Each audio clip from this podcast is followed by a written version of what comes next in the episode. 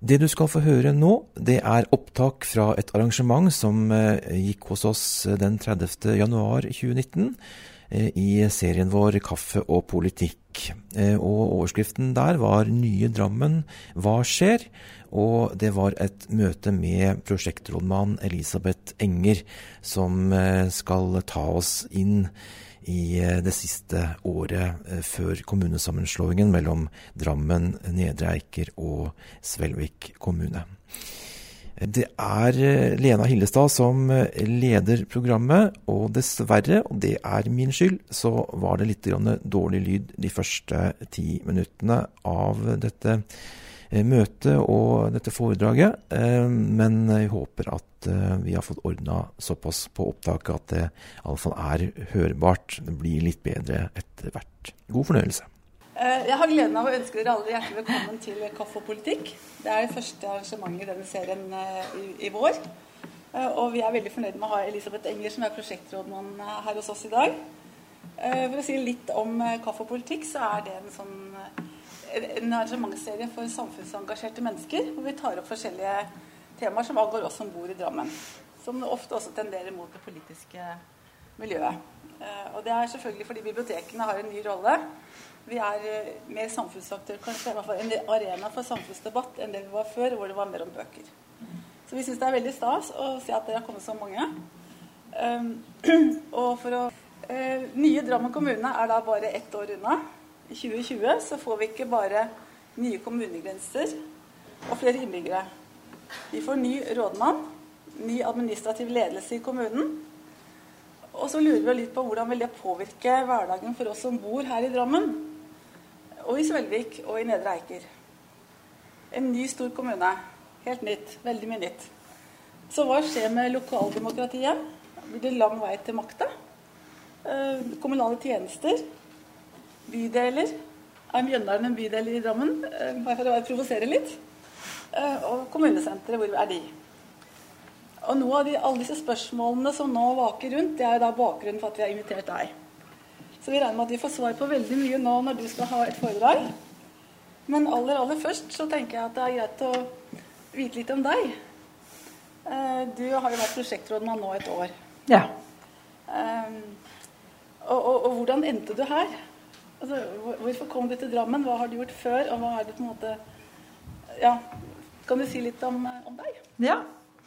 Jeg eh, eh har jo vært eh, rådmann i eh, tre kommuner før. Jeg pleier å kalle meg en kommuneelsker. For jeg er veldig glad i kommunen som institusjon. Syns at den har en veldig viktig rolle. Jeg har vært rådmann i tre veldig ulike kommuner i størrelse.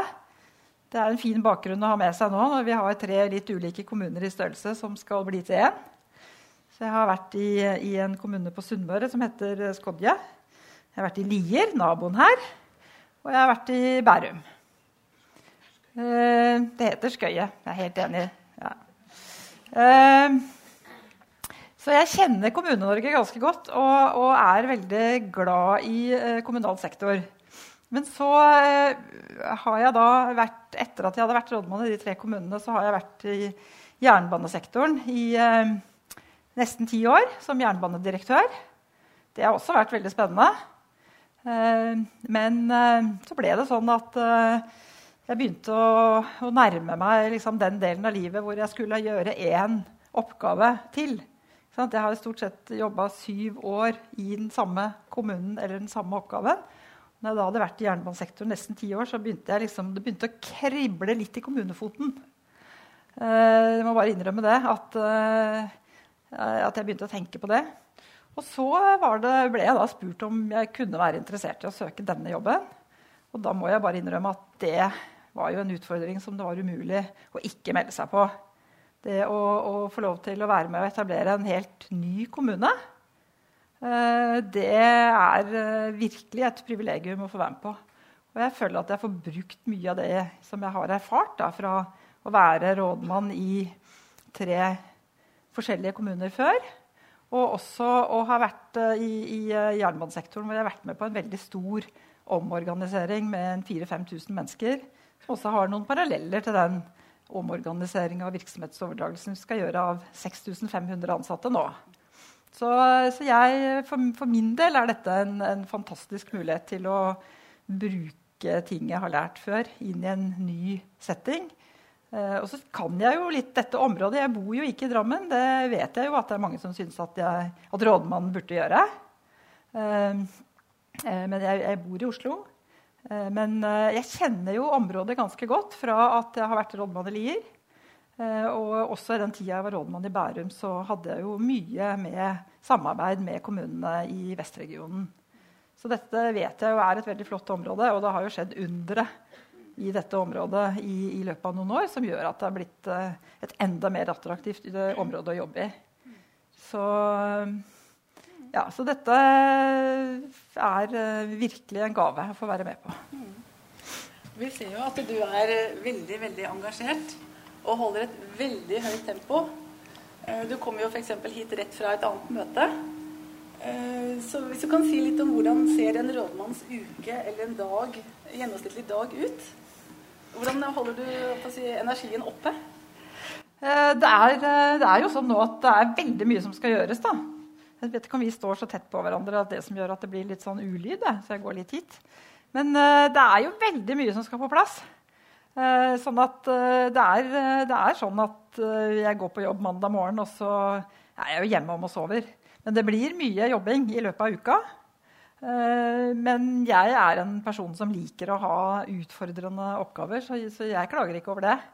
Eh, jeg tenker at det er andre enn meg i den, dette arbeidet som kanskje har det enda mer utfordrende med å Jeg jobber jo bare for nye Drammen, mens det er ganske mange nå som jobber delvis for de gamle kommunene og må hjelpe meg med å lage den nye kommunen.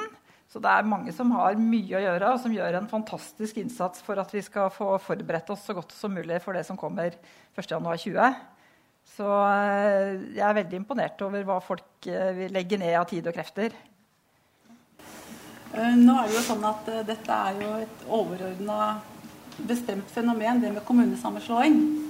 Og på departementets side så ligger det veldig mange dokumenter og føringer for hva som skal skje, og hvordan det skal skje til dels. Eh, hva er det lokale handlingsrommet for dere som jobber her i, i forhold til nye Drammen, kontra det som er bestemt på overordnet nasjonalt plan? Jeg opplever at vi har stort handlingsrom. Eh, heldigvis så er det en, en, eh, kommunesammenslåing her som kommunestyrene har vært eh, positive til å ha vedtatt.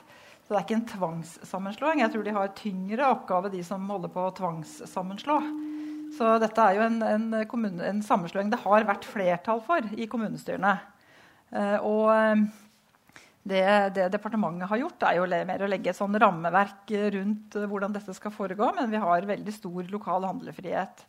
Og de tre kommunestyrene, Svelvik, Nedre Eiker og Drammen, har jo vedtatt en politisk plattform for arbeidet. Den styrer det jeg gjør hver dag. Uh, og, og, jeg kan ikke huske om jeg i det hele tatt har lest et departementsrundskriv for å finne styringssignaler. Så det er det lokale politiske grunnlaget som styrer arbeidet vårt. Så det er lokalt selvstyre selv om det er nasjonale føringer? Ja, det er det. Selv om kommunesektoren er jo selvfølgelig mye styrt av, eh, av, av Stortinget og regjeringen. Men uh, i akkurat dette arbeidet så tenker jeg at vi har stor handlefrihet. Og så er det jo sånn at det er alltid en utfordring å nå ut med informasjon. Og du har jobbet mye med markedsføring. Eller din organisasjon da, er rigga sånn at det er mye informasjon som går ut hele tiden. Eh, det er eh, Nye Drammens hjemmeside. Eh, det er Facebook med Nye Drammen og Elisabeth Enger, prosjektrådmann. Altså, Drammen, Nye Drammen sammen i 2020. Det er tatt veldig mange informasjonskanaler Eh, hvordan overkommer du dette her? Jeg vet jo at du har gode hjelpere, men likevel. Du sender nyhetsbrev, du har foredrag sånn som nå. Det er jo kanskje det viktigste du gjør egentlig mm. for å få med deg oss som bor her på laget. Men, men hvordan er informasjonsarbeidet ditt rigga? Jeg tenker at, eh, at, Hverdagen min består kanskje sånn halvparten av arbeidstida brukes til å faktisk planlegge hvordan nye Drammen skal bli. Og den andre halvparten handler om å informere om det. Altså, og det, det, er jo både å få innspill forut for at det skal tas beslutninger, og å fortelle at vi har tenkt sånn og sånn, og få nye innspill til å gjøre nye beslutninger. Og så er det selvfølgelig mye av forberedelsesarbeidet som, som går internt i kommunene. Sånn vil det jo, vil det jo alltid bli. Men vi går, uh, har en periode foran oss nå framover mot påske hvor jeg håper å kunne bruke enda mer tid på eksterne uh, dialoger, sånn som denne. Og, vi skal begynne å bruke de nye kommunedelene også til å prate med folk. Uh, så, så, det er jo rett og slett en veldig viktig del av, av jobben. Så det, det må man jo ta seg tid til. Du har jo lovet at i den nye kommunen så skal det bli mer demokrati enn i de tre eksisterende til sammen. Og da tenker jeg at Det begynner mye med folks mulighet til å melde tilbake. Får du noen tilbakemeldinger fra vanlige folk eh, på de tingene du legger ut på disse forskjellige plattformene? Det er jo heldigvis politikerne som har gitt den lovnaden. da. Eh, og det synes jeg når jeg begynte å lese på den politiske plattformen, så er det et av de punktene som virkelig syns at jeg hadde lyst på å komme og gjøre denne jobben. Fordi det å bestemme seg for at eh, sånn, Hvis vi går litt inn i den første perioden i en ny kommune, da, at når du spør innbyggerne, så skal de svare at kommunen oppleves nærmere i nye Drammen enn i de tre tidligere kommunene, det syns jeg er en veldig modig målsetting. Og så syns jeg det er en veldig viktig målsetting, og det, det, jobbes jo hardt for å legge grunnlaget for det. Så eh, jeg skal komme litt tilbake til hvordan vi tenker å, å jobbe med det. Foreløpig så, så, eh, så, har det ikke vært veldig mye tilbakemeldinger. Noen innspill. Eh, vi har hatt gode dialogmøter omkring lokaldemokrati og sånt, hvor mange har møtt for å gi oss innspill. Men sånn Eh, ellers så kommer det ikke mye som vi ikke inviterer til. Men det tror jeg kommer mer etter hvert, eh, som vi blir mer konkrete på hva vi tenker å gjøre i nye Drammen. Spennende. Eh, jeg har bytta mikrofon i håp om at dere skal høre meg bedre. Det hjalp? Ja. Så er det jo litt sånn uløst nøtt, da, dette kommunevåpenet. Er det noen prosess på gang rundt det, eller er det sånn at vi skal bare leve i spenning? Vi hadde jo et politisk utvalg som til slutt eh, kom med et forslag om et kommunevåpen etter en eh, omfattende konkurranse. Og så eh, var det jo ikke alle som syntes det kommunevåpenet var en god idé. Så vi, den saken ligger jo nå til behandling i de tre kommunestyrene. Hvor da ett kommunestyre har sagt at de syns vi skal gå en runde til for å se om vi finner et bedre forslag. Og ett kommunestyre har gått for det forslaget med årringer som ble lagt ut. Eh, og, og, Drammen kommunestyre har ikke behandla saken ennå. Så, så, nå venter vi første omgang på å se hva som blir resultatet av det. Og så får uh, politikerne ta stilling til hva de vil gjøre videre med, med det. Mm. Det var i hvert fall spennende. Det ble litt ødelagt med de årringene og andre kommentarer her i byen. Så det spørs om det går. Eh, men i, i den din næreste krets som jobber i med dette, så er folkehelse og miljø et nytt fagområde. Kan du si litt mer om det? Det er et kjempespennende og veldig stort område. Hvis jeg kan få komme litt tilbake til det, ja, ja. jeg skal snakke om det etterpå. fordi da har jeg lyst til å fortelle litt om hvilke satsingsområder Dette er jo et av de satsingsområdene som framstår veldig tydelig i det kommunestyrene har sagt at vi skal satse på. Eh, og, og, vi har flere, så jeg har tenkt å si litt om det. Den er grei. Eh, da For å gå til eh, kultur, som vi er jo en kulturinstitusjon nå. Eh, og vi fikk jo nå nylig en ny kulturplan som så vidt går inn i den nye perioden. Altså inn i nye Drammen. Og der er det forutsatt at kultur skal være med i tverrsektoriell tenkning. Hva tenker du om det?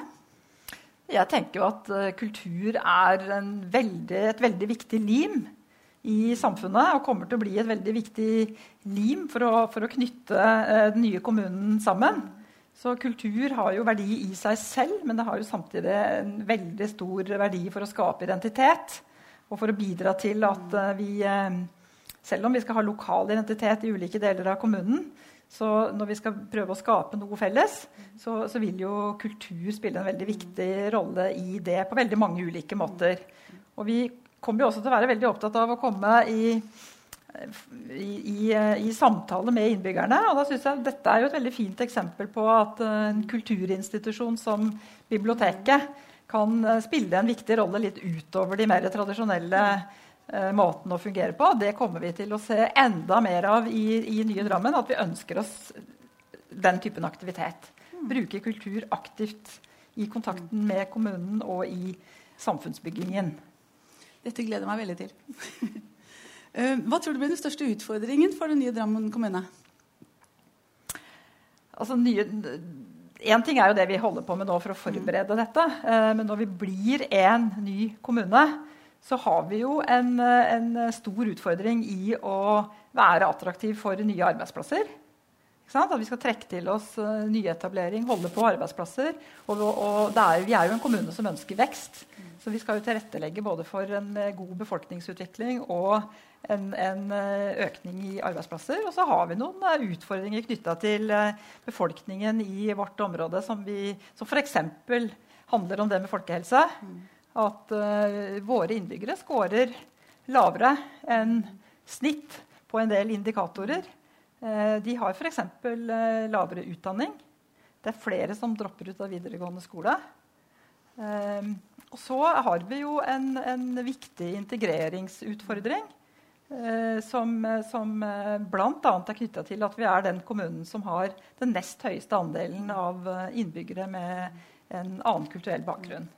Så det er jo spennende muligheter og noen utfordringer knytta til det. Absolutt. Nå skal du straks få ordet helt alene, men uh, aller først Når vi kommer til første, i første 2020, uh, hvordan vil vi merke at det er en ny kommune? Jeg tenker Akkurat i januar 2020 så håper jeg vel egentlig at dere ikke merker noe som helst. For, uh, for da, vi forbereder jo nå alle disse praktiske tingene som skal på plass. ikke sant? Og at alt skal fungere da sømløst over fra at det er tre kommuner som har ansvaret for tjenestetilbudet, og da tenker jeg at uh, søpla skal hentes, veien skal brøytes, uh, hjemmehjelpen skal komme, biblioteket skal være åpent. Uh, og, og, sånn på veldig kort sikt så tenker jeg at det, det, tar litt tid før, før, innbyggerne kommer til å merke stor forandring. Og, og, mye av det forberedelsesarbeidet vi gjør, handler jo nettopp om at dette skal gli pent over fra 31.12.19 til 1.1.20. Men etter hvert så, så, er det klart at uh, innbyggerne skal se en kommune som er enda bedre rusta til å bidra til uh, et godt tjenestetilbud og et attraktivt sted å komme til både for næringsliv og innbyggere. Vi er i hvert fall veldig, veldig spent. Nå skal du få ordet alene og vise en presentasjon og fortelle mer inngående om det hele. Uh, men sånn, til informasjon så blir det anledning til å stille spørsmål etter at hun er ferdig med sitt foredrag.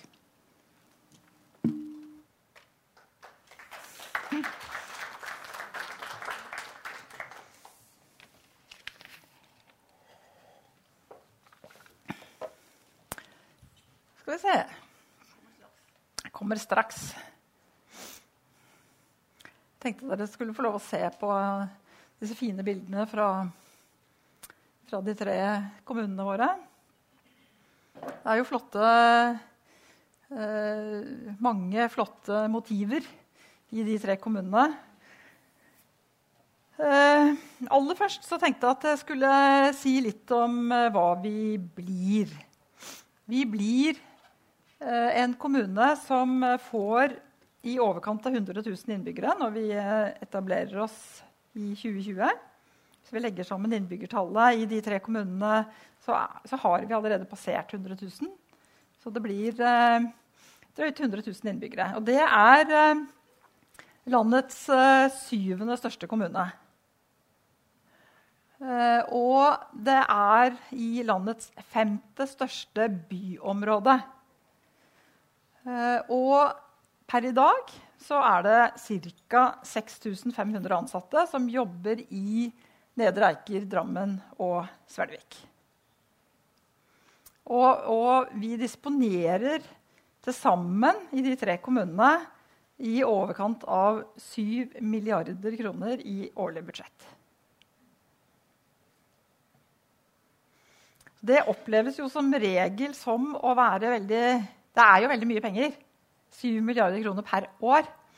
Men det er klart det oppleves jo som oftest så går jo diskusjonen på de siste vi mangler for å få gjort de tinga som vi kunne tenke oss å gjøre. Jeg kommer litt tilbake til det.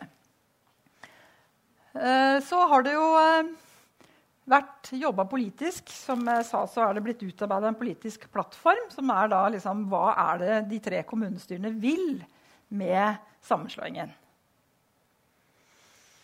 Og de vil mange ting. Eh, men de har bl.a. sagt at eh, nye Drammen skal ta sikte på å være Norges mest innovative kommune. Altså, vi skal være den kommunen som i størst grad utvikler nye ting, tar det i bruk sørger for at vi er kreative i å jobbe på nye måter for å løse innbyggernes behov og kommunens oppgaver. Det er også en ganske sånn tøff målsetting. Og når, når, når, jeg nevner det spesielt, så er det fordi at uh, vi tenker at når vi blir et stort fagmiljø, så får vi enda større mulighet til å drive et aktivt utviklingsarbeid. Så er det jo sånn at uh, når jeg hører om de tingene som skjer i Drammen og Nedre Eiker og Svelvik i dag, så er det jo veldig kraftfulle miljøer i utgangspunktet. Så på hver sine områder så er dette kommuner som er langt framme. Og det gjør jo at når vi slår pjaltene sammen, så blir det jo muligheter for å, ikke, å, å få enda sterkere fagmiljøer eh, som i enda større grad kan jobbe med at eh, vi ligger i front. For jeg tror vi, vi, deler jo i nye Drammen utfordringen med alle andre norske kommuner og det norske samfunnet. At eh, det kommer til å bli tyngre tider. Ikke sant? Det kommer til å kreves nytenkning hvis vi skal klare å løse alle oppgavene framover. Og dette er jo ikke noe som, altså, Litt sånn uavhengig av politisk ståsted. Altså, hvis man ser på at når, når eh, Stortinget har behandla framtidsutsiktene og leser liksom referatene fra det, så er jo liksom egentlig alle enige om den diagnosen at eh, det kommer til å bli tøffere tider. Og jeg som kommer fra jernbanesektoren, har jo vært vant til nå noen år å jobbe med stadig veldig større, mye større budsjetter. Sant? Eh, og Veidirektøren og jeg vi la fram en nasjonal transportplan hvor vi dis disponerte 1000 milliarder kroner de neste tolv åra. Og da var det jo på en måte sånn at Hvis vi skulle gjennomføre alle de, de, de samferdselsprosjektene, og hvis samtidig Forsvaret skulle gjennomføre det som er vedtatt Nå har jo de fått enda større kostnader etterpå med fregatter som synker. og sånn. Men hvis, hvis bare de to tingene skal gjøres, så, så vil vi ha brukt handlingsrommet. Sånn, sånn som man betrakter de økonomiske utsiktene. Så vi går jo eh, vi går noen litt tøffere tider i møte. Det tror jeg rett og slett at vi bare skal være forberedt på. Og så kan vi jo håpe at, eh, at, det skjer ting som gjør at vi får til en enda større verdiskaping. Som gjør at vi kommer godt ut av det. Og vi har jo ikke så mye å klage over i Norge, hvis vi skal være helt ærlige, kanskje. Men at vi som kommune og vi som offentlig sektor i stort må ruste oss for at eh, skal vi sørge for at innbyggerne hos oss har det velferdstilbudet, får dekka sine behov på en, en bra måte, så kommer vi til å måtte tenke nytt i måten vi gjør ting på. Og Derfor er det veldig bra at eh, vi har fått beskjed om da, fra den politiske ledelsen av den prosessen at vi skal legge til rette for at uh, vi skal drive mye godt utviklingsarbeid og være innovative. Bl.a. når det gjelder å ta i bruk nye digitale løsninger. Det, noen av dere har kanskje sett at vi har invitert til en, en sånn åpen dag den 14. februar om ettermiddagen, hvor vi gjerne vil ha innbyggerne med på å tenke på hvordan de forskjellige kommunale tjenestene kan utvikles Eh, med nye digitale løsninger.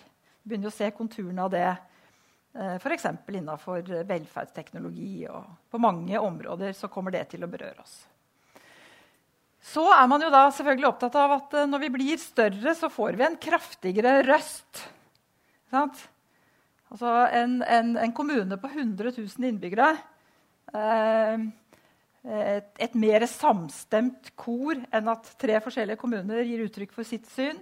Vi blir en sterkere røst eh, som gjør at vi kan, kan posisjonere oss sterkere som en, en region. Eh, vi kan planlegge ting bedre i sammenheng og ruste oss bedre for å eh, konkurrere Jeg tenker at Det er litt lett for meg å ty til dette med jernbanen. Da, men når du får bygd Ringeriksbanen, så vil jo Hønefoss og Ringerike bli en atskillig skarpere konkurrent til Drammen enn det har vært til nå. Og, og med, eh, med, utbyggingen av Vestfoldbanen så er det klart at Tønsberg snart ligger under en time fra Oslo. Så vi kommer til å møte skarpere konkurranse eh, når vi er opptatt av dette med å, å være et uh, område i vekst i forhold til næring, næringsvirksomhet og arbeidsplasser. Og sammen står vi sterkere. Så jeg en, en, har en sterkere stemme. Så er det jo da denne ambisjonen om at uh, vi skal være nærmere innbyggerne. Det skal oppleves uh, et sterkere lokaldemokrati. Og som jeg sa, det, jeg, det er en ganske tøff og modig eh, målsetting. Og særlig når jeg nå er på besøk i Nedre Eiker og Svelvik, så er det veldig mange gode historier om hvor tett folk er på kommunen sin. Sant? Det er mange, så er det noen her som er fra Nedre Eiker eller Svelvik? Der, ja, ja, ja, ikke sant? Det er noen. ja. Men de er nå, sant, de begynner å bli litt redd for hva de kan miste. Sånn at de blir veldig mer opptatt av enn Drammen, som tenker kanskje at det ikke blir så veldig stor forskjell. Men de er veldig opptatt av å fortelle nå at uh, det er veldig lett å ta kontakt med noen på rådhuset. Det er veldig lett å ta kontakt med en politiker. Du kjenner en politiker. Det er, liksom, det, er noe nærhet som, som de setter pris på som de er redd for å miste. Jeg skal si litt om hvordan vi har tenkt å møte det. Og vi kommer til å spørre innbyggerne litt ut i perioden hva de tenker om det. Eh, og, og, det er en, en, en, skarp ambisjon om at svaret skal bli at det oppleves nærmere. Og jeg har lest, Det har vært gjort undersøkelser i alle tre kommunene av hvordan folk oppfatter sitt forhold til kommunen. Og da, når jeg leser det, så ser jeg jo at uh, det er mulig å forbedre seg. Det er et potensial. For det er ikke sånn når du ser på den undersøkelsen at folk er 100% fornøyd med tingenes tilstand. Det er forbedringspotensial, selv om det i utgangspunktet er høy tillit mellom innbyggerne og disse tre kommunene. Så jeg tenker at det er mulig å, å jobbe med det. Og så er det jo eh, veldig viktig i den politiske plattformen at uh, alle steder i kommunen, nye kommunen, skal få utvikle seg. Og her står det 'likeverdig', og det er jo viktig, for det er jo ikke likt. Det kommer ikke til å utvikle seg likt i Drammen sentrum og i Mjøndalen og på Berger og i Svelvik. Eh, men det er veldig viktig at vi legger til rette for en likeverdig utvikling av de stedene som er i denne kommunen. Det er, det er viktig grunnlag. Og, og, det betyr også at vi skal ha likeverdige tjenester i alle deler av den nye, nye kommunen. Så det er eh, ambisiøse eh, mål. Vi eh, jobber jo da med eh, å tenke at en Politikerne er jo veldig opptatt av at, og det er jo vi også som jobber med dette, at vi skal lage en ny kommune. Det er tre kommuner i dag. De legges ned 31.12. Og det oppstår en ny kommune som heter Nye Drammen, og som da jo kommer til å hete Drammen, men som vi da eh, titulerer Nye Drammen for å markere det skillet. Og i, det, i nye Drammen så eh, skal vi prioritere lokalsamfunnene. At, eh, og jeg tenker, jeg kommer fra sjøl en kommune som har blitt sammenslått. Eh, jeg kommer fra Vang, som ble slått sammen med Hamar. Og da var det sånn at jeg hadde jo flytta derfra før dette skjedde. Og før, hvis noen spurte meg hvor jeg var fra, så pleide jeg å si at jeg var fra Hamar, for det visste alle hvor var. Men etter at kommunen min ble en del av Hamar, så hvis noen spurte hvor jeg var fra, så, jeg, så sa jeg at jeg var fra Vang. For da får du plutselig litt sånn ekstra behov for å markere din lokale tilhørighet. Og så at Nå er jo dette ja, mer enn 20 år siden, så nå begynner det å viskes litt ut. da. Men veldig lenge så blir den lokale identiteten og tilhørigheten til stedet ditt i en sånn eh, prosess kanskje enda sterkere enn den har vært før. Og det tenker jeg er jo helt greit. Sånn? Det er helt greit. Eh, vi er jo først og fremst opptatt av at vi skal ha levende lokalsamfunn. Og i den grad at dette betyr at folk blir enda mer opptatt av å ta vare på sitt lokalsamfunn, så, så syns vi det er et pluss. Og vi kommer til å, å jobbe for å være en god samarbeidspartner med de lokalsamfunnene som fins i den nye kommunen. Og så eh, så er det sånn at det er noen utfordringer i dette området som kommer veldig tydelig fram. Eh, når jeg kom hit og skulle liksom begynne å se på hvordan, hva er de viktigste tingene vi må ta tak i, så, så hadde vi mange politiske arbeidsverksteder. Ikke sant, Sølve? Du var med på flere av dem, tror jeg? Ja? Eh, hvor vi hadde, gikk igjennom forskjellige temaer. Og da hadde det sittet fagfolk fra de tre kommunene sammen og beskrevet hvordan det ser ut på disse temaene. Det første arbeidsverkstedet vi hadde, handla om barnevern. Og så hadde vi helse, vi hadde skole, vi hadde barnehager. Vi hadde eh, oppvekst litt sånn i stort. ikke sant? Vi hadde mange temaer. Uh, og da var det noen ting som gikk igjen. Sånn, nesten sånn uansett hvilket tema som var oppe, hvilken tjeneste som var utgangspunktet. For da satt politikerne sammen på grunnlag av det faglige arbeidet. Så satt alle politikerne sammen fra de tre kommunene rundt bord på tvers av kommuner og på tvers av partier og diskuterte hva, hvilke utfordringer vi har knytta til dette, og hva vi må ta tak i. Og det som eh, kom opp, det var jo mye knytta til da folkehelse. Folkehelse er jo et sånn, egentlig sånn eh, det lykkelige liv. Da, ikke sant? At folk kan mestre sitt eget liv. Eh, folkehelse handler jo om eh, veldig mange ulike ting. Noen ting som kommunen kan bidra med, noen ting som folk må ta tak i sjøl og som lokalsamfunnene kan jobbe med, men som vi kan legge mye til rette for. Og Det var veldig mye framme i de diskusjonene at vi må ta tak i det. Også for de som er inne på at uh, det er sånn at vår befolkning på noen områder scorer lavere enn andre på viktige indikatorer. Når det gjelder sykdom og utdanning og, og sånn. Klima og miljø er selvfølgelig et viktig, viktig felt, som er fremheva også i i, i, i eh, plattformen. Og så var det også på alle områder at vi må sørge for at vi tar tak i ting tidlig. Tidlig innsats, forebyggende arbeid. Altså, de aller, aller, aller fleste mennesker går jo igjennom livet sitt uten behov for altså, de, uten behov for spesielle kommunale tjenester. De går igjennom, de er jo i kontakt med kommunen hele livet. Fra før du er født og er på svangerskapskontroll, og til du er, blir født og du kommer til helsestasjonen, du kommer til barnehagen, du kommer til skolen. De aller fleste så, så går jo dette veldig greit, og man får en bakgrunn gjennom oppveksten som ruster deg til å håndtere livet videre. Det er jo noe av det mest fantastiske vi som kommune har ansvar for å hjelpe folk med. Men så er, da, er vi jo da veldig opptatt av at uh, vi må ha et blikk for uh, at noen trenger litt ekstra oppfølging. Sant? Og at vi får gitt den ekstra oppfølginga på en sånn måte at folk eh, utrustes til å mestre det videre løpet i livet.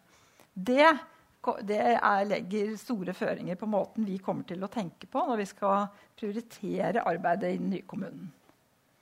Tidlig innsats, ikke la utfordringene få, få utvikle seg. Og drive forebyggende sammen med de ulike lokalsamfunnene. Det var vel Gro som snakka om nabokjerringa, var det ikke det? Som, som kunne spille en viktig rolle i, i eh, barns liv. Altså det å ha et, et, inkluderende samfunn, det å ha et lokal, velfungerende lokalsamfunn med eh, arenaer for deltakelse, alt dette som gjør at, eh, at, eh, det skal en landsby til for å oppdra et barn, blir det sagt. Altså Den tenkninga der. Det er jo ikke noe nytt i det, men vi kommer til å forsterke det være opptatt av å, å legge det til grunn. Og så er det et uh, veldig viktig punkt uh, som, som uh, handler om at tjenester skal være nære så kommer dere til å tenke nå at hun snakker nå veldig sånn overordna om dette. Og det gjør jeg jo foreløpig, fordi vi har jo ikke kommet så langt at vi kan gi veldig konkrete svar. Men vi sier at eh, flest mulig tjenester skal være nærmest mulig brukeren. Det er et utgangspunkt for oss. Og da er det, Dere vet jo hvordan det der er. ikke sant? Altså, du står opp om morgenen og skrur på krana og får vann. Det er jo en veldig nær tjeneste. Får du levert i huset. Eh, man kommer og henter visse typer søppel på eiendommen din. Trenger du omsorg hjemme, så får du det. Eh, du må gå, noen må til og med kjøres eller fraktes i buss til skolen. Men den er nå ganske nær, og barnehagen og sånn. Liksom, og vi kommer til å gå gjennom nå tjeneste for tjeneste. Og vi kommer også å invitere til å få innspill på hvilke typer tjenester som innbyggerne er opptatt av bør være nære. Og da kommer vi til å bruke disse kommunedelene litt som bakgrunn for det. Så det er, det er jo liksom Ny kommune, stor kommune, betyr ikke sentralisering. Ikke Men vi skal tenke nært. Og så, eh, som det har jeg snakka om, at, eh, at, vi kommer til å være, måtte være opptatt av å ta i bruk nye måter å, å jobbe på. Og så er det da dette eh, arbeid og inkludering. Og da har jeg lyst til å presentere eh, direktøren for arbeid og inkludering. Som eh, kommer til å være med meg, skal sitte i ledergruppa. Manuela, hvis du reiser deg opp, så kan folk se deg. Manuela Ramin Åsmundsen, som er med i dag, og som er direktør for dette feltet. Og vi er den eneste kommunen som har en direktør for arbeid og inkludering. Og hvorfor har vi det? Det har vi fordi på alle disse politiske arbeidsverkstedene, når vi gikk igjennom hvordan bildet ser ut, og hvordan det er, så var altså, det var én ting som gikk igjen ved siden av det med folkehelse, og det var arbeid. Arbeid er så viktig i folks liv. Ikke sant? Arbeid handler om at du, at du får gjort nytte, nytte for deg, som gir en god følelse i seg selv. Det handler om selvfølgelig for oss i kommunene at vi får uh, skatteinntekter. Uh, det handler om å være inkludert og oppleve fellesskap gjennom arbeid. Uh, og da snakker vi om, om alle typer arbeid og altså ordinært arbeid knytta til ordinært næringsliv eller offentlig sektor. Eller mer tilrettelagt arbeid for de som har behov for det. Men det å få lov til å yte, det ligger jo i oss. Det er liksom nøkkelen på mange måter til eh, et godt liv. Det ble altså så utrolig tydelig i alle de diskusjonene. Og da tenkte jeg at uh, vi må prioritere det på en sånn måte at det er ett menneske som bare er opptatt av akkurat det. Fordi kommunen har veldig mange ulike virkemidler for å bidra til at enda flere kan komme i arbeid. Eh, og det er både selvfølgelig at vi legger til rette for næringsliv og etablering. Eh, vi har muligheten til gjennom vår planlegging å legge til rette for variert type arbeidsplasser. Og enda større grad når vi har blitt en større kommune som også kan ta imot arealkrevende arbeidsplasser, kanskje i andre deler av kommunen enn det man har kunnet gjøre hver for seg. Eh, vi er jo en stor arbeidsplass sjøl med 6500 innbyggere. Eh, kan vi bruke det eh, til å, å drive arbeidstrening og til å, å gi kvalifi bedre kvalifisering? Da jeg var og besøkte Nav første gangen, så, så sa de at var, kommunene var veldig flinke til å At vi kunne få bruke kommunen som praksisplasser men de det førte ikke så ofte til varig arbeid. Og, og, vi har jo en utfordring der som kommune, for det blir jo sånn i samfunnet at det stilles strengere og strengere krav på alle områder til kompetanse. ikke sant? Men det å liksom ta ordentlig tak i arbeid i sånn bred forstand eh, er, jo, er, jo, er, jo, veldig viktig. Og også med på å bidra i inkludering. Og med inkludering så tenker vi jo ikke bare på det faktum at vi er den kommunen som har den nest høyeste andelen, rundt 29 eh, med en, en, annen kulturell bakgrunn. Eh, men vi tenker også på andre Det er jo andre grunnlag for å kunne oppleve utenforskap. Og det er en, en utfordring. Det er viktig. Og vi har en større andel enn en andre kommuner, f.eks. av barn i lavinntektsfamilier. Så det er mye å gripe fatt i, og dette er på prioriteringslista. Når jeg snakker om det, så hører jeg at det er ganske mange prioriteringer. Eh, det, det, men det som er så fint, eh, som jeg opplever når vi driver og skal jobbe med dette nå i praksis og begynne å diskutere hva det betyr å skulle prioritere dette, tenker at det er ganske mange tiltak som virker positivt i, i forhold til mange av disse tingene. En del av de tingene vi gjør, vil virke positivt på flere elementer på en gang. Heldigvis. Så er det jo sånn da at uh, disse tre kommunene Hvis vi ser på uh, De bruker altså i sum 7,2 eh, milliarder kroner omtrent nå i 2019. De har eh, ganske fornøyde innbyggere og ganske fornøyde brukere i forhold til at tjenestetilbudet fungerer eh, rimelig bra. Det er selvfølgelig mange områder som mange vil ha enda mer av. Men, men når, når i, bruk, i, undersøkelser og sånn, så er det mange gode tilbakemeldinger til disse kommunene. Men de er altså noen av de aller billigst drevne kommunene i dette landet. Og vi har jo til og med fylkesmannsrepresentanten her ikke sant? som kan nikke til det. Elisabeth, ikke sant? Dette er altså veldig billig drevne kommuner. De har lite å rutte med. Og jeg tenker jo at Det er jo noe av det som gjør at de har valgt å bli en kommune. For det er faktisk sånn tenker jeg at selv om vi som én kommune ikke får mer å rutte med, for det gjør vi jo ikke eh, Men vi får noen muligheter til å drive på en mer effektiv måte. Så vi kommer til å disponere sånn stort sett de samme pengene. Bitte lite grann mindre. Fordi eh, Svelvik og Nedre Eiker får noen ekstra tilskudd fordi de ligger veldig lavt på inntekts, eh, inntektsskalaen, som vi ikke får etter hvert når vi blir en samla kommune. Det er veldig små beløp i det store bildet. Så samme beløp. Men vi har muligheter til å få brukt pengene mer effektivt. Og da har jeg lyst til å presentere det for den andre direktøren jeg har med meg her i dag. Og det er Kirsti Aas Olsen, eh, som er direktør for administrasjon og administrativ effektivisering. Det er litt av en oppgave å ha tatt på seg det. Sånn? Manuela skal skaffe arbeid, og Kirsti skal spare. Sånn at eh, kommunen bruker mindre penger på administrasjon.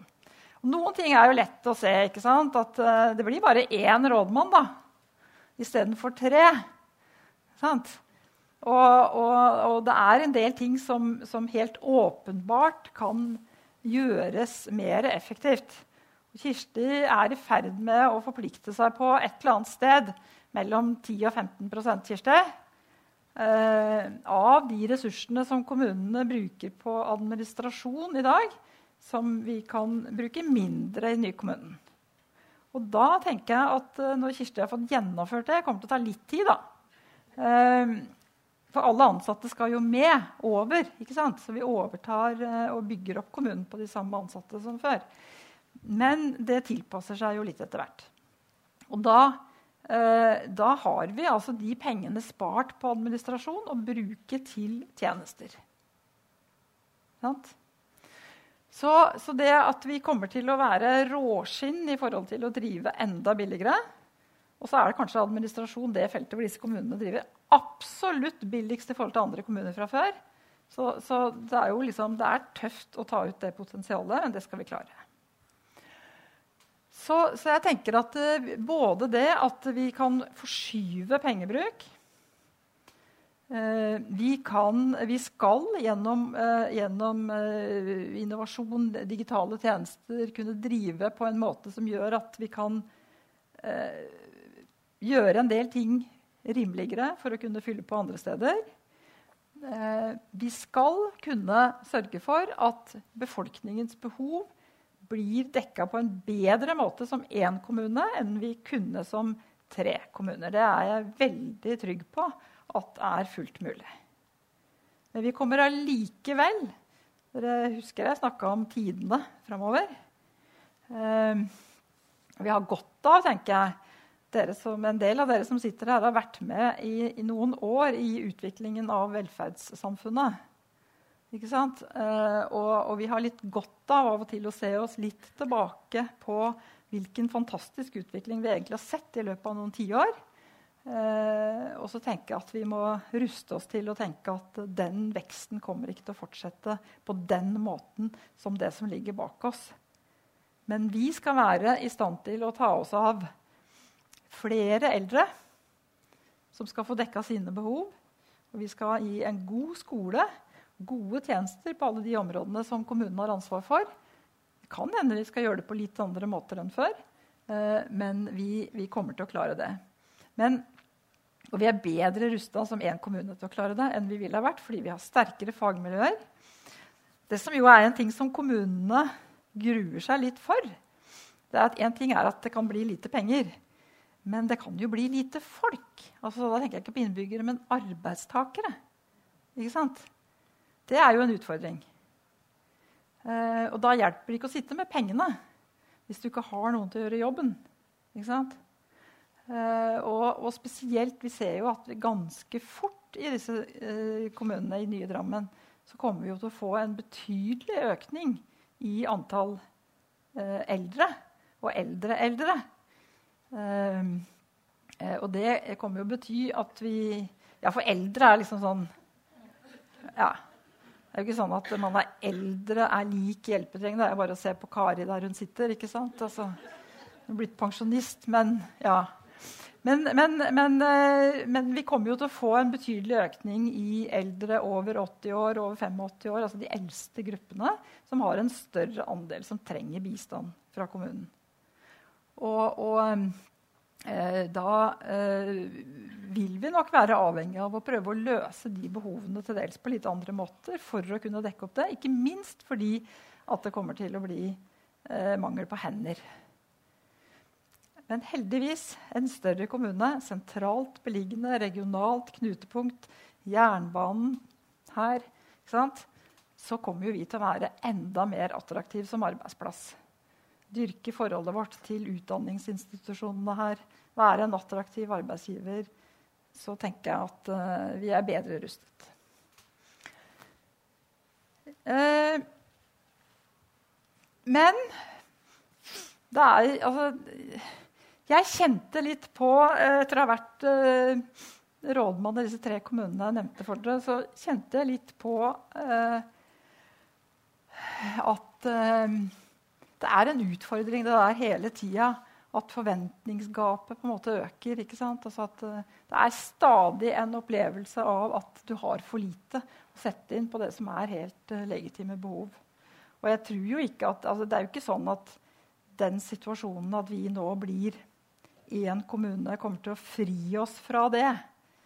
Men vi kommer til å være bedre rustet fordi vi kan bruke penger på en annen måte, og fordi vi kommer til å være en enda mer attraktiv arbeidsgiver, og fordi vi kommer til å kunne bidra til økt verdiskaping, som igjen er med på å styrke vårt eget uh, inntektsgrunnlag. Jeg syns det ser sånn ut at dere òg tror litt på det. Jeg tror på det. Vi har snakka litt om dette. Dette er liksom de tre viktige temaene som vi jobber med, mye med. Det er lokaldemokrati. Hvordan det skal være lett å påvirke. lett å medvirke. Og ikke minst hvordan vi skal eh, vitalisere altså Lokaldemokrati kan jo være så mangt. Altså, vi skal jo prøve å etablere da, arenaer hvor innbyggerne kan delta imellom valgene. Men det er jo ikke til hinder for at det kanskje det viktigste man gjør som innbygger, er å delta i valget. Vi skal jo velge noen folkevalgte. Og det skal være eh, spennende å være med i det politiske arbeidet i kommunen. Så det er vi også opptatt av. Sånn at vi får eh, god rekruttering av lokalpolitikere, og at det oppleves spennende å være lokalpolitiker. Eh, samtidig som vi skal få en bedre dialog med innbyggerne som ikke har lyst til å melde seg inn i partier og bli valgt inn i kommunestyret. Så vi jobber med begge deler på det. Og så er det det med stedsutvikling som vi har snakka om. At uh, vi skal ha uh, utvikling av alle steder. Og så er det det med tjenesteutvikling. Uh, at tjenestene skal være nærmest mulig brukeren. Og det er jo en viktig del av, av også de andre. Dette henger sammen. Og da har vi jo et forslag nå om å, å dele opp i ti kommunedeler. Og vi kan se kanskje litt på det forslaget først. Det forslaget ligger nå til behandling i de tre kommunestyrene. Og det er ingen av kommunestyrene som har behandla det ennå, men det kommer til å skje i løpet av februar. Men jeg oppfatter det sånn at det er ganske stor politisk enighet om grepet kommunedeler. Eh, og så får man jo diskutere sammensetningen av dem. Eh, akkurat hvor, hvor, grensene skal gå og sånn. Men vi har hatt et politisk eh, utvalg som har jobba med det her, og som har eh, tror jeg, kommet med et, eh, et, godt forslag. Hvor ett av poengene har jo vært å ikke la grensa gå på de gamle kommunegrensene. Det har liksom vært et poeng, da. At, eh, at vi har fått Berger og Svelvik, og så har Nesbygda Eh, gått med dette området. Og så har vi fått, eh, fått eh, Solbergmoen, Solbergelva og Åsia. Altså At vi har brutt opp de gamle kommunegrensene, har jo vært ett poeng. Og så har det vært et poeng at ikke noe må være for smått og ikke noe for stort. Men at ikke, at ikke noe skal være så smått at ikke det er naturlig å legge tjeneste, tjeneste, noen tjenester dit. Og så har vi også prøvd å legge vekt på at noen områder hører litt naturlig sammen. Selv om det er jo sånn sant, at uh, liksom, trafikken går mest i én retning. Da, og det, det, kan være forskjell på Det er sikkert forskjell på hvor langt det oppleves å være fra Solbergelva til Åsia. Det er nok kanskje litt kortere enn fra Åsia til Solbergelva. Tror dere ikke det? Sånn er det jo ofte.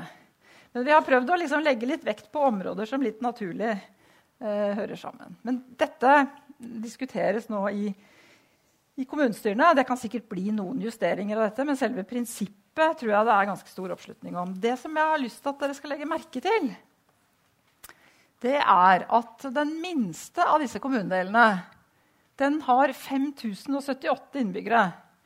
Eh, sikkert noen flere nå, da, men den hadde det i, ved utgangen av 2017. Og den største har 17 734. Og folkens 5078 er mer, det er flere innbyggere enn det er i flertallet av norske kommuner.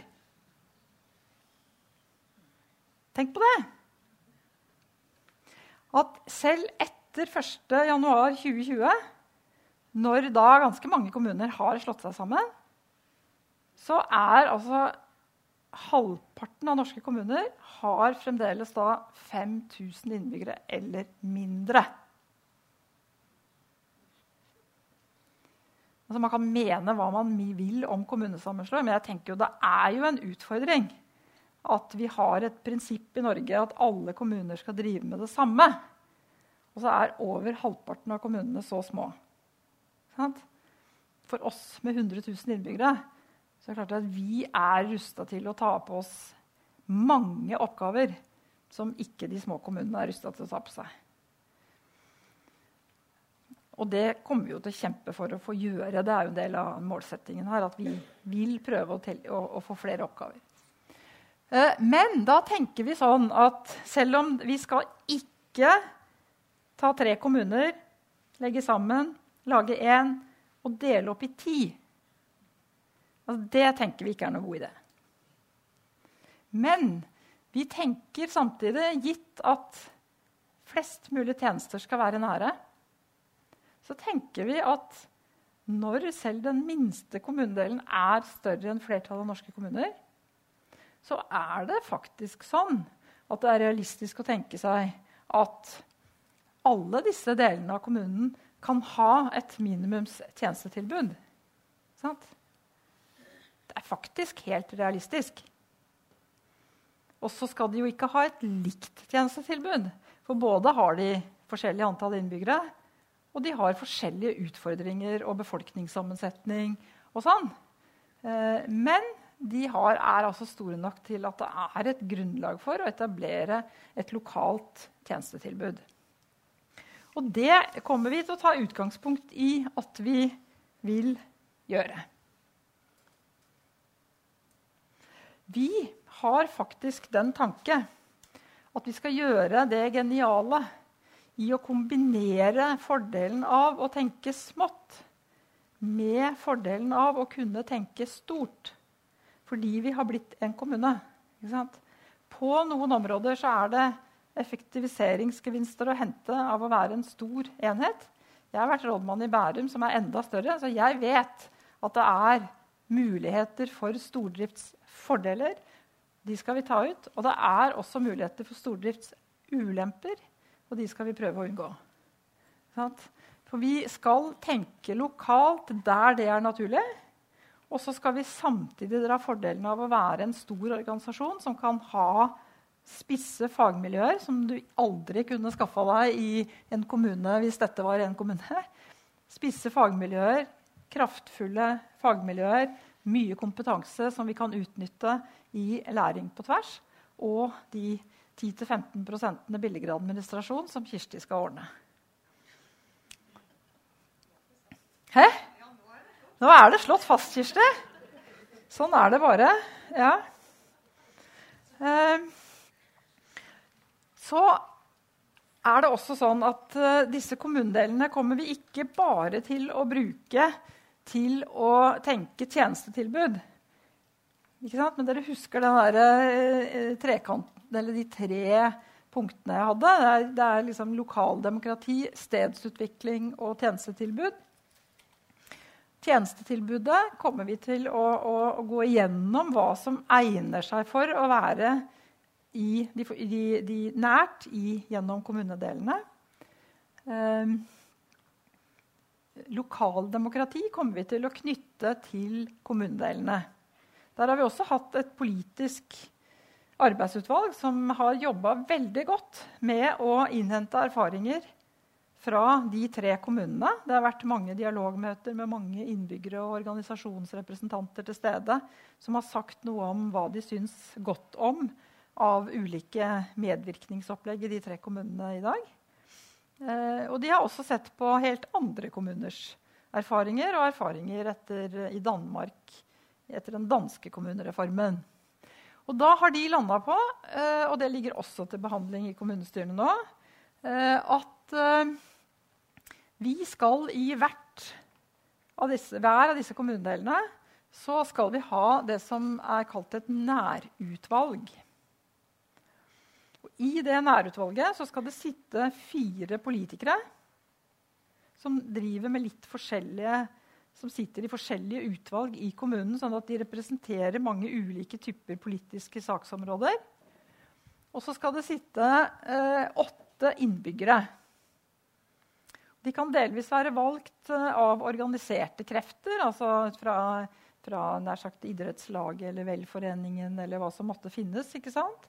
Eller, eh, eller ildsjeler eller entusiaster som er mer på sånn personlig basis.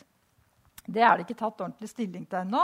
Men altså, vi må jo sørge for at dette har et visst sånn representativt preg. At det er oppslutning, at det er legitimitet om de representantene. Og den, denne typen nærutvalg er det ingen som har prøvd før i Norge. Jeg vet ikke om det er noen som prøvde andre steder heller, men i hvert fall ikke i Norge. Jeg har heller ikke hatt uh, eksempler fra Danmark på det. For det som er spesielt med det, er at der sitter det både politikere og innbyggere. Det er mange kommuner som har bydelsutvalg, hvor det sitter enten bare folk som er valgt som politikere på vegne av partier, eller hvor det sitter bare innbyggere. Men her skal det sitte begge deler. De skal ikke ta noen beslutninger. Altså, det er liksom ikke et utvalg som får saker og beslutter om hvordan ting skal være i den kommunedelen. Men de skal, de skal være stedet for å regissere medvirkning. Så hvis det er en, en, Det kan være en plan. Enten en plan for skoler eller en plan for en, en reguleringsplan for utbygging av et område, eller et eller annet som angår den kommunedelen så, de, så, er det ikke sånn at vi er veldig interessert i å høre hva de åtte innbyggerne mener. Det kan jo sikkert være interessant, men vi er interessert i at de skal hjelpe oss til å rigge til en medvirkningsprosess som gjør at vi får i tale de miljøene som er relevante. Og så eh, vil vi ha et sted eh, hvor også I denne kommunedelen så kommer det også til å være ulike kommunale tjenester. Det kommer til å ligge skole eller skoler der, det kommer til å ligge barnehager der, det kommer til å ligge helsetjenester, kulturtjenester, forskjellige ting der. Og jeg tenker at det er også et sted hvor man kan sette seg ned og se på utviklingstrekk. F.eks.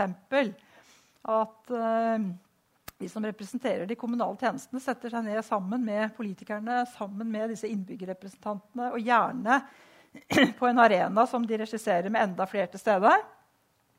Liksom, hvilke utviklingstrekk ser vi her nå? Har det skjedd noe som vi bør ta spesielt hensyn til? Er det noe kommunen må gripe tak i? Er det noe vi kan gjøre? Har det skjedd noe med ungdomsmiljøet? Har et, har et eller annet tilbud blitt borte som ble drevet på frivillig basis, som har skapt et hull? Er det noe vi sammen kan gjøre bedre for å ivareta en eller annen form for utfordring? Har de eldre noe sted å møtes her?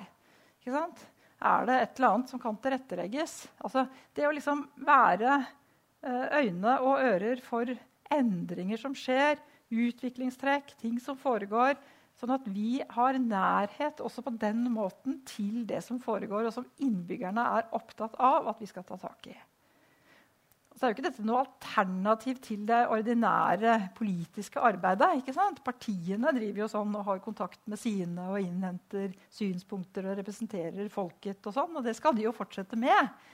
Men det er altså en utvidelse eh, hvor, hvor, da disse skal sørge for at de tar ansvar for og liksom, at by, by, kommunedelen blir hørt. I alle kommunedeler så sier vi også at det skal finnes et sted man kan samles. altså å ha møter. Eh, og det finnes jo i alle, alle, kommunedeler et eller annet sånt sted. Eh, de kommer til å få noen penger. Det er jo ikke sånn at de skal tildele penger til forskjellige tiltak. Det er mer sånn penger for å arrangere ting og, og sånn. Og de kommer også til å ha med seg en, en person, en lokal koordinator, eh, som ivaretar kontakten til oss som skal jobbe i, i rådhuset administrativt. Ehm, eh, sånn at, at eh, noen må sørge for å legge til rette for dette arbeidet. Hvis ikke så blir det vanskelig å få til. Det må være noen som tilrettelegger for det.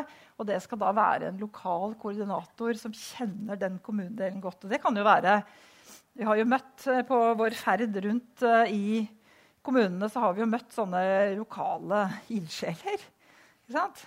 Vi har møtt de som er sentrale i samarbeidet mellom idrettslaget og eh, skolen på Åsia. Eh, vi har møtt eh, folk som, som ivrer i, i, ulike enten frivillighet eller i de kommunale tilbudet på Fjell.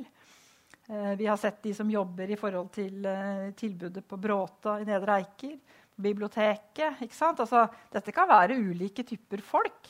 De behøver ikke nødvendigvis å være rent kommunalt ansatt heller. Men det er mer om å gjøre å finne de riktige folka til den oppgaven det er å, å, å, rigge til medvirkningsprosesser ute i den enkelte kommunedel. For dette blir ikke til av seg selv. Det er viktig. Så det eh, er eh, det er eh, noe av den tenkninga som nå eh, ligger til behandling i kommunestyrene, om det er dette vi skal uh, legge, legge, opp til. Og da knytta til ti, ti, kommunedeler. Og da jeg vil bare vise dere til slutt sammensetningen av da, den ledergruppa som jeg har satt sammen. Nå har vi jo to med oss som dere har fått presentert. Jeg har da valgt å sette sammen de som sammen med meg skal være eh, toppledelsen i Nye Drammen ut fra det utfordringsbildet som vi nå har snakka om. At det er noen som, skal, som, som vi skal kunne liksom peke på og si at uh, det er, dette er en utfordring. Den går ofte på tvers av kommunale tjenesteområder, disse utfordringene. Uh, så, så, så, Derfor så går mange av disse om, ansvarsområdene også litt på tvers. Vi har en som skal jobbe med kultur, by- og stedsutvikling. Apropos spørsmålet ditt om kultur, som en viktig del av grunnlaget for identitet. Vi har eh, folkehelse, helse og miljø, går på tvers inn i alle områder. Vi har Manuela, som skal jobbe med arbeid og inkludering. Vi har utdanning, som da både er den delen av utdanningsfeltet som kommunen har ansvar for, altså grunnskolen, men som også er kontakten med, med den nye regionen om videregående opplæring og ulike typer kvalifisering. Og så har vi hele omsorgsfeltet, som, eh, som også selvfølgelig er veldig avhengig av det som skal foregå her når det gjelder helse eh, og inkludering og, og veldig mange ting. Og så har vi de mer administrative posisjonene der. Sånn at eh, vi skal tenke det som jeg, jeg, sa innledningsvis, at jeg betrakter meg som en kommuneelsker. Hvorfor gjør jeg det? Jo, fordi at kommunen er et fantastisk eh, verktøy til å bidra til at Måte, det, er, det, er, jo ikke velferdsstaten. Ikke sant? Det er velferdskommunen. Det er jo i kommunen vi sørger for å være det, den samarbeidspartneren med, med, folk som bor, og bringe til den kompetansen som skal til for at man skal kunne leve gode liv. Og vi i kommunen har ansvar for så mange ulike tjenester som i sum bidrar til det. Men vi er bare en suksess hvis vi får alt dette til å spille sammen. Med de 6500 ansatte som kommer til å finnes i den nye kommunen, det er ikke den ting de ikke kan. Det er ikke det tilfellet de ikke har vært borti. Det er ikke den sykdom eller den utfordring eller den teknologi eller, altså Det er ikke den ting ikke en eller annen av de folka har vært borti. Og med 100 000 innbyggere så er det jo en fantastisk kunnskapsbase. Og med det næringslivet vi har, fantastisk kunnskapsbase. Så tenker Hvis vi får til de ambisjonene vi har om samspill, da, at vi skal jobbe på tvers i kommunen med den kunnskapen og erfaringa som de kommunalt ansatte her har, sammen med innbyggerne, så er jo dette nødt til å bli knallbra. Og det er kommune på sitt beste hvis vi får til det. Og det er fantast, et fantastisk virkemiddel av sterkt fellesskap som vi har skapt oss i Norge i, i, eh, i kommuneinstitusjonen. Og det brenner vi for, vi som er med på dette. De to direktørene har dere hilst på. Vi har også, vi har også um, Lars. Jeg glemte etternavnet på Lars plutselig. Arntzen. Som er uh, ansatt som kommunikasjonssjef hos oss. Han uh, jobber jo i Drammen kommune i dag. Hadde også et øyeblikk uh, Odd, som også jobber sammen med oss. Odd Myklebust. Han har gått, ja. Men, eh, men, eh, vi får jo flere og flere med på dette laget til å være med og, og realisere disse ambisjonene. Og vi, vi syns jo alle at dette er veldig morsomt å være med på. Ja. Det var det jeg hadde tenkt å si. Og da er det tid for noen uh, spørsmål, ikke sant? Er det du som skal styre det? Ja, det stemmer. Da er det mulighet å Ja, tusen takk.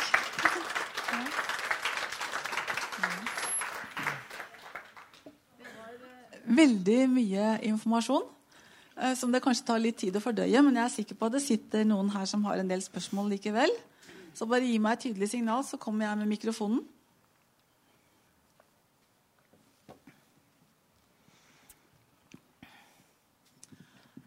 Jeg synes jo at jeg prøv, har jo prøvd å lese ganske mye etter at jeg kom til Drammen, og vi er nå skal bli nye Drammen.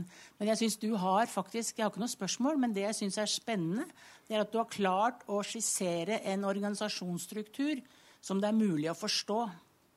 Det er punkt én. Det andre som jeg syns er ganske vesentlig av det du nå har vært inne på, det er hvor du har vært flink til å si noe om det positive, sånn som dere ser det. Og da er mitt spørsmål egentlig mer til meg selv. Hvordan kan jeg da klare å være positiv og sette det fortegnet først, før jeg sier Nei, dette kommer ikke til å gå. Nei, dette tror jeg blir bare rot. For nå har jeg bodd i Drammen i ni år, og jeg har vært altså fire ganger på rådhuset for å gi et innspill. Og det blir tatt imot. Så det tror jeg er noe av det du har sagt nå. Det er faktisk fortsatt mulig å gjøre det. Så takk for en veldig god informasjon. Takk skal du ha.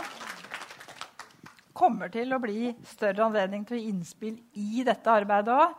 Som jeg sa, så kommer vi til å arrangere møter i alle kommunedelene. Og det blir i løpet av de siste fem ukene før påske. Vi starter i mars um, og, og, og, går framover. Det er sen påske i år, folkens.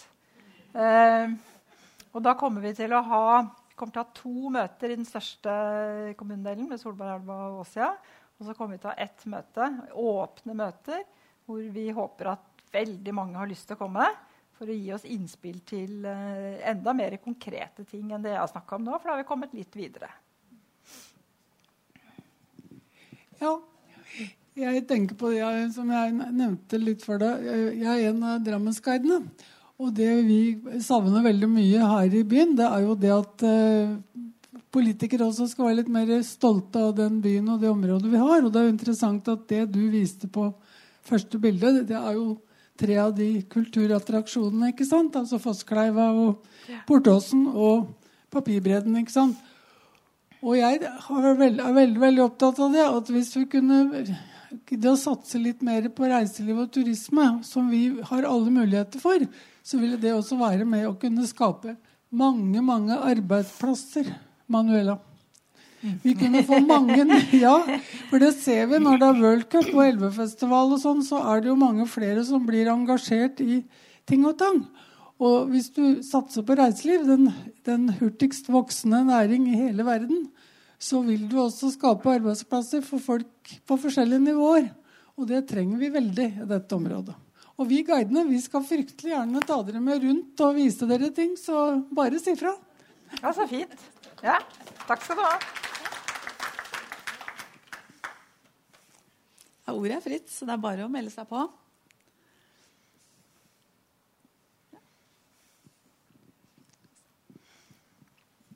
Takk. Jeg hadde et spørsmål og en kommentar etterpå. Eh, spørsmålet er eh, rivalisering mellom fagmiljøer i disse kommunene jo, må jo være et, en utfordring. Og i hvilken grad kan man si, planlegge eller forebygge eller sånn, det jo, må jo være en lederoppgave av de helt store.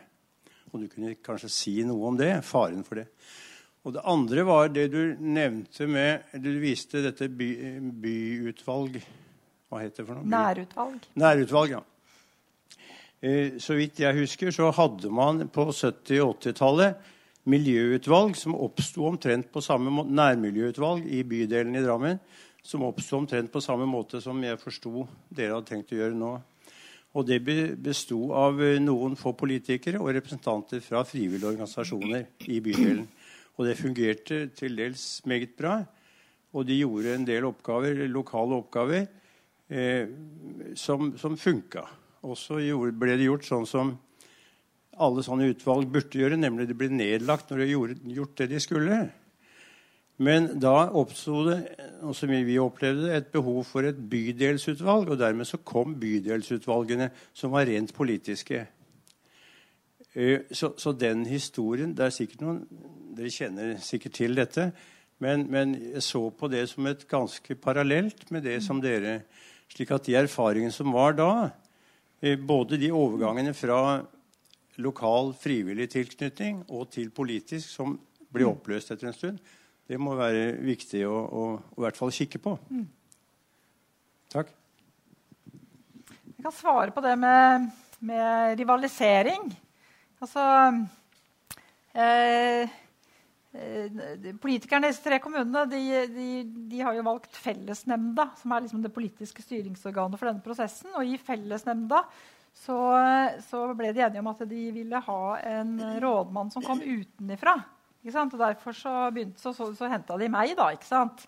Og det er jo jeg glad for. Men jeg tror, jeg tror også at det har vært en fordel for prosessen. Fordi jeg kom og, og, kommer ikke fra noen av disse tre kommunene. Sånn det har vært uh, veldig viktig for meg å, å, å legge an til at uh, her har vi tre helt vi har likeverdige miljøer som har uh, sine ting som de er stolt av, alle. Og de har utrolig mye dedikerte, flinke fagfolk i alle tre kommunene. Selvfølgelig flest i Drammen, som er størst, men også gode fagmiljøer i de andre kommunene. Så, så, jeg opplever egentlig ikke at uh, Jeg opplever veldig mye sånn positiv nysgjerrighet til å bli kjent med hverandre. Vi har vært opptatt av å skape arenaer. Som jeg sa, Fagfolka sitter sammen for å beskrive hvordan verden ser ut i disse kommunene. Og vi har vært opptatt av å prøve å løfte fram gode ting fra alle fagmiljøene i de tre kommunene.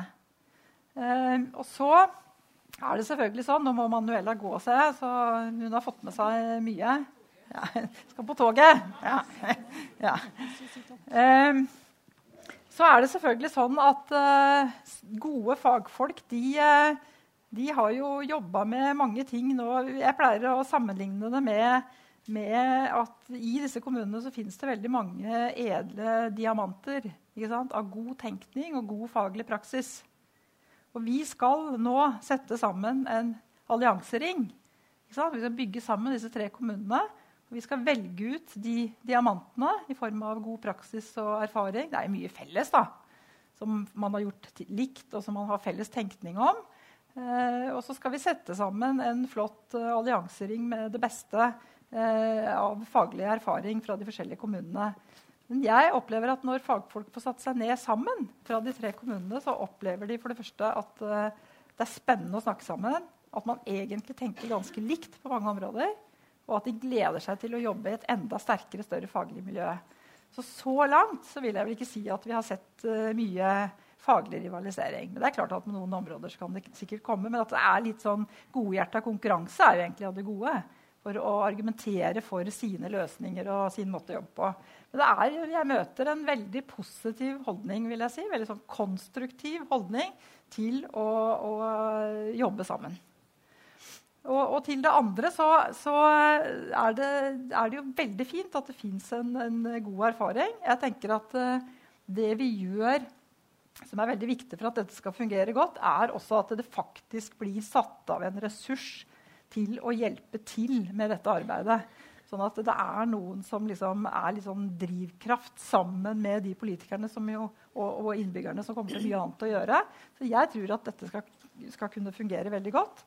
Eh, så lenge vi sender ut interessante ting og interesse, viser virkelig interesse for, å, for, hva som kommer ut av den dialogen. Og Det er jo en forutsetning, og det, det, føler jeg meg trygg på at eh, det kommer politikerne til å gjøre. Og det kommer jo vi fra administrasjonen til å gjøre. Så dette tror jeg blir bra. Og så er det godt å bli minnet om at det fins gode erfaringer å vise til. For det det er flere som viser til den bydelsutvalgserfaringen enn den som var foran. Så det var veldig bra du, du sa noe om. Litt i den samme gata til han forrige. Jeg jobber jo i staten. Jeg jobber i Bufetat og er ansvarlig for fosterhjemsarbeidet i det som heter Bufetat region sør. Og det jeg ser, er jo når det gjelder rekrutteringsarbeid og jobbing i forhold til å skaffe fosterhjem til barn, så er de tre kommunene litt forskjellige. De tilbyr likt ulikt eh, til eh, det med å bli fosterforeldre i de tre kommunene. og Derfor så lurer jeg litt på hvordan skal det samordnes? Hvordan skal liksom stønadene og tilskuddene og jobbinga med f.eks. fosterforeldre skje i den nye Drammen? Altså vi tenker at Nå holder vi på med to år med forberedelser, og så blir vi en ny kommune. Jeg pleier å karakterisere liksom etableringsprosjektet av ny kommune til et seksårsprosjekt. Det er de to årene vi er inne i nå, og så starter det. Og hele den første fireårsperioden det var derfor jeg også svarte som jeg gjorde på spørsmålet om hvilken forskjell man vil merke. For uh, vi, vi, driver nå med en del forberedelser. Uh, og, så, og, og Derigjennom så kommer vi allerede i løpet av dette året til å måtte gjøre en del harmonisering. F.eks. Så, så må innbyggerne betale samme avgifter på samme nivå i de tre kommunene for 2020. ikke sant? Det er, forskjell, det er litt forskjell, forskjell på det. Så det, liksom, det, må harmoniseres. Og så kommer vi til å bruke den første fireårsperioden. og Jeg sier til de som står på, på listen og skal bli valgt inn i kommunestyret nå, at dette må jo være den absolutt viktigste kommunestyreperioden. Og for dere som skal velge, være absolutt, det absolutt viktigste valget. For nå skal vi jo fylle selv om det fins mye godt å bygge på, så skal vi fylle liksom, kommunen med politikk og gjøre noen valg i retning for den nye kommunen. Og Da kommer vi til å gå gjennom område for område. Sånn at vi utvikler felles politikk. Og På noen områder så gjør vi det allerede i år. Men de aller fleste områder, som, som det med fosterhjem, så er jeg helt sikker på at det blir en oppgave som vi må ta tak i i, i 2020. Så, så, Derfor vil det jo være noen forskjeller vi tar med oss i praksis og i, i tilbud og sånn. Eh, men, men eh, så vil vi harmonisere og gå gjennom område for område etter hvert ut i, i den nye fireårsperioden. Ja. ja. Vi kommer jo til å, å, å, diskutere organiseringen av de ulike tjenestene. ikke sant? Eh, det kommer vi til å diskutere. Men, men vi ser f.eks. på barnevern når vi setter fagfolk sammen, at det er veldig mye som er likt, men det er også forskjeller. Så det første er å få påpekt de forskjellene. Og så kan vi gå videre på å, å diskutere hva, hvordan vi skal legge det opp. Det kommer til å ta litt tid.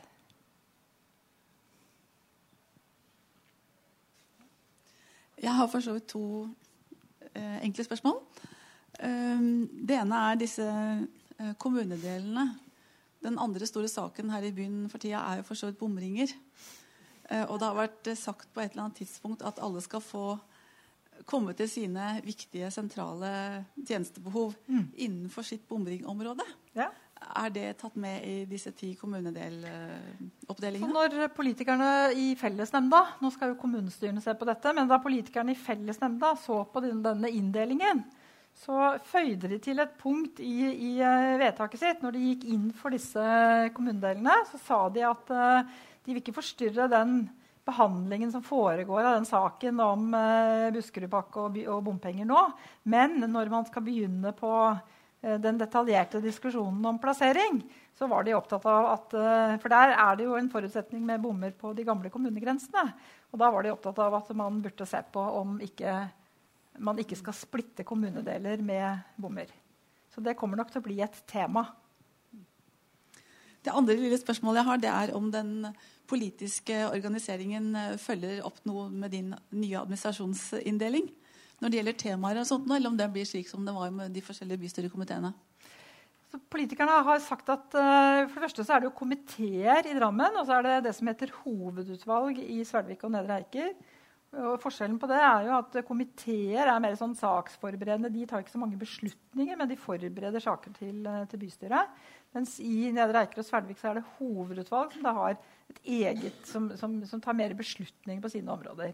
Så I den nye kommunen blir det hovedutvalg. Så det blir forskjell fra komitéordningen i Drammen. Um, og den inndelingen som, uh, som, er gjort på det, den uh, er ikke lik min inndeling. Uh, politikerne har valgt en inndeling hvor det er et hovedutvalg som har skal være litt forsiktig med å være helt presis på det, men det er i hvert fall ett som har mesteparten av sånn oppvekst øh, og liksom tilbud til, til, barn og unge. Og så har de et som er øh, omsorg og, og, helse, og et på kultur og idrett. Og et på øh, kanskje Sølve husker dette bedre enn meg, og ett på tekniske tjenester, som også skal ha noen plansaker i seg. Så de har en litt annen inndeling. Men øh, det kommer til å fungere fint.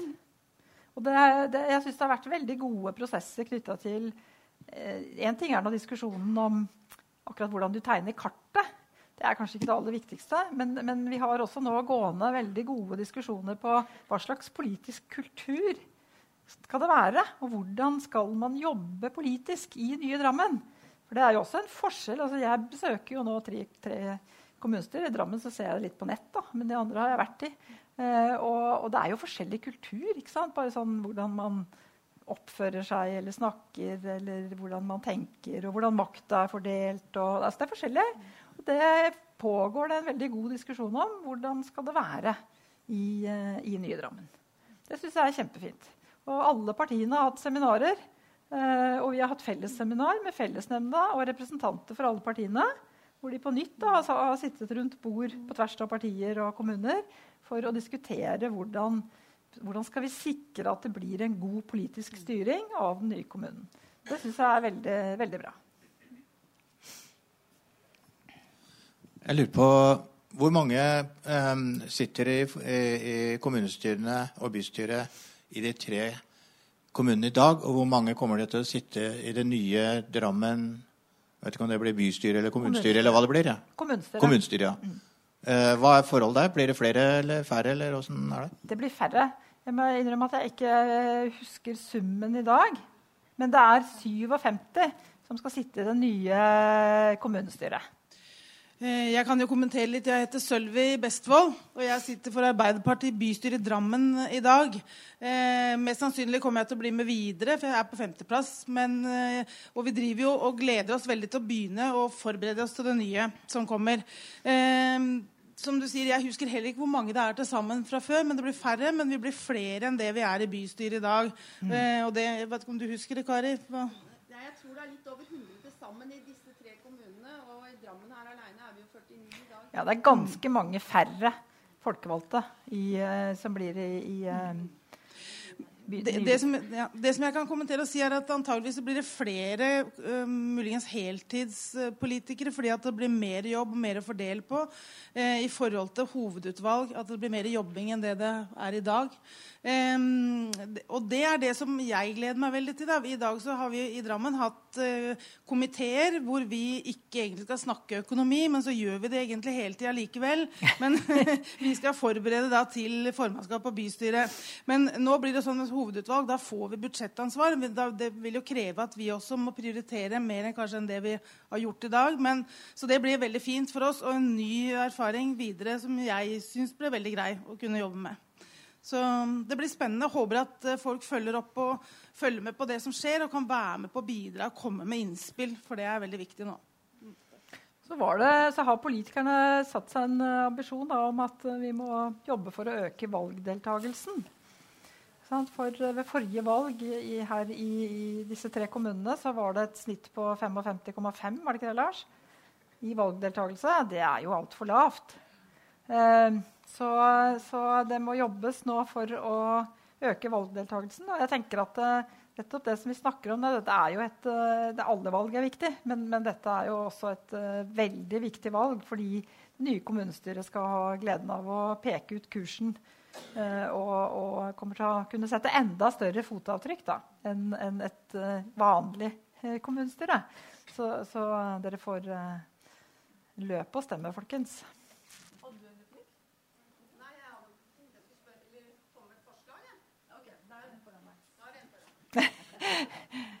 Hva er strategien for å tiltrekke seg nye innbyggere? Eh, for Drammen har jo lavere tilflytning enn eh, sammenlignbare byer på Østlandet. Altså, strategien er jo, Det er mange sider av det. ikke sant? Vi skal jo i gang med et kommuneplanarbeid. og Da gjelder det jo i hvert fall å sikre områder som kan bygges ut. Det er jo liksom én ting. Eh, og så gjelder det å være attraktiv for eh, innbyggere. Både i form av at eh, det skal være et godt eh, tjenestetilbud, men også at det skal være et både rikt kulturliv. ikke sant? At det er liksom bykvaliteter. Men, men, vi får jo i den nye kommunen enda, flere, enda større variasjon da, i hvilke kvaliteter som vi kan tilby. Altså at du kan bo relativt uh, mer landlig i enkelte deler av kommunen. Vi kan, vi kan markedsføre en større variasjon for flere typer mennesker. Uh, så um, vi ligger jo veldig bra til, da. Uh, og så tenker jeg at vi må være enda flinkere til å markedsføre de positive kvalitetene vi har. Nå har gått, Turistguiden har gått, men det er jo veldig mye flott.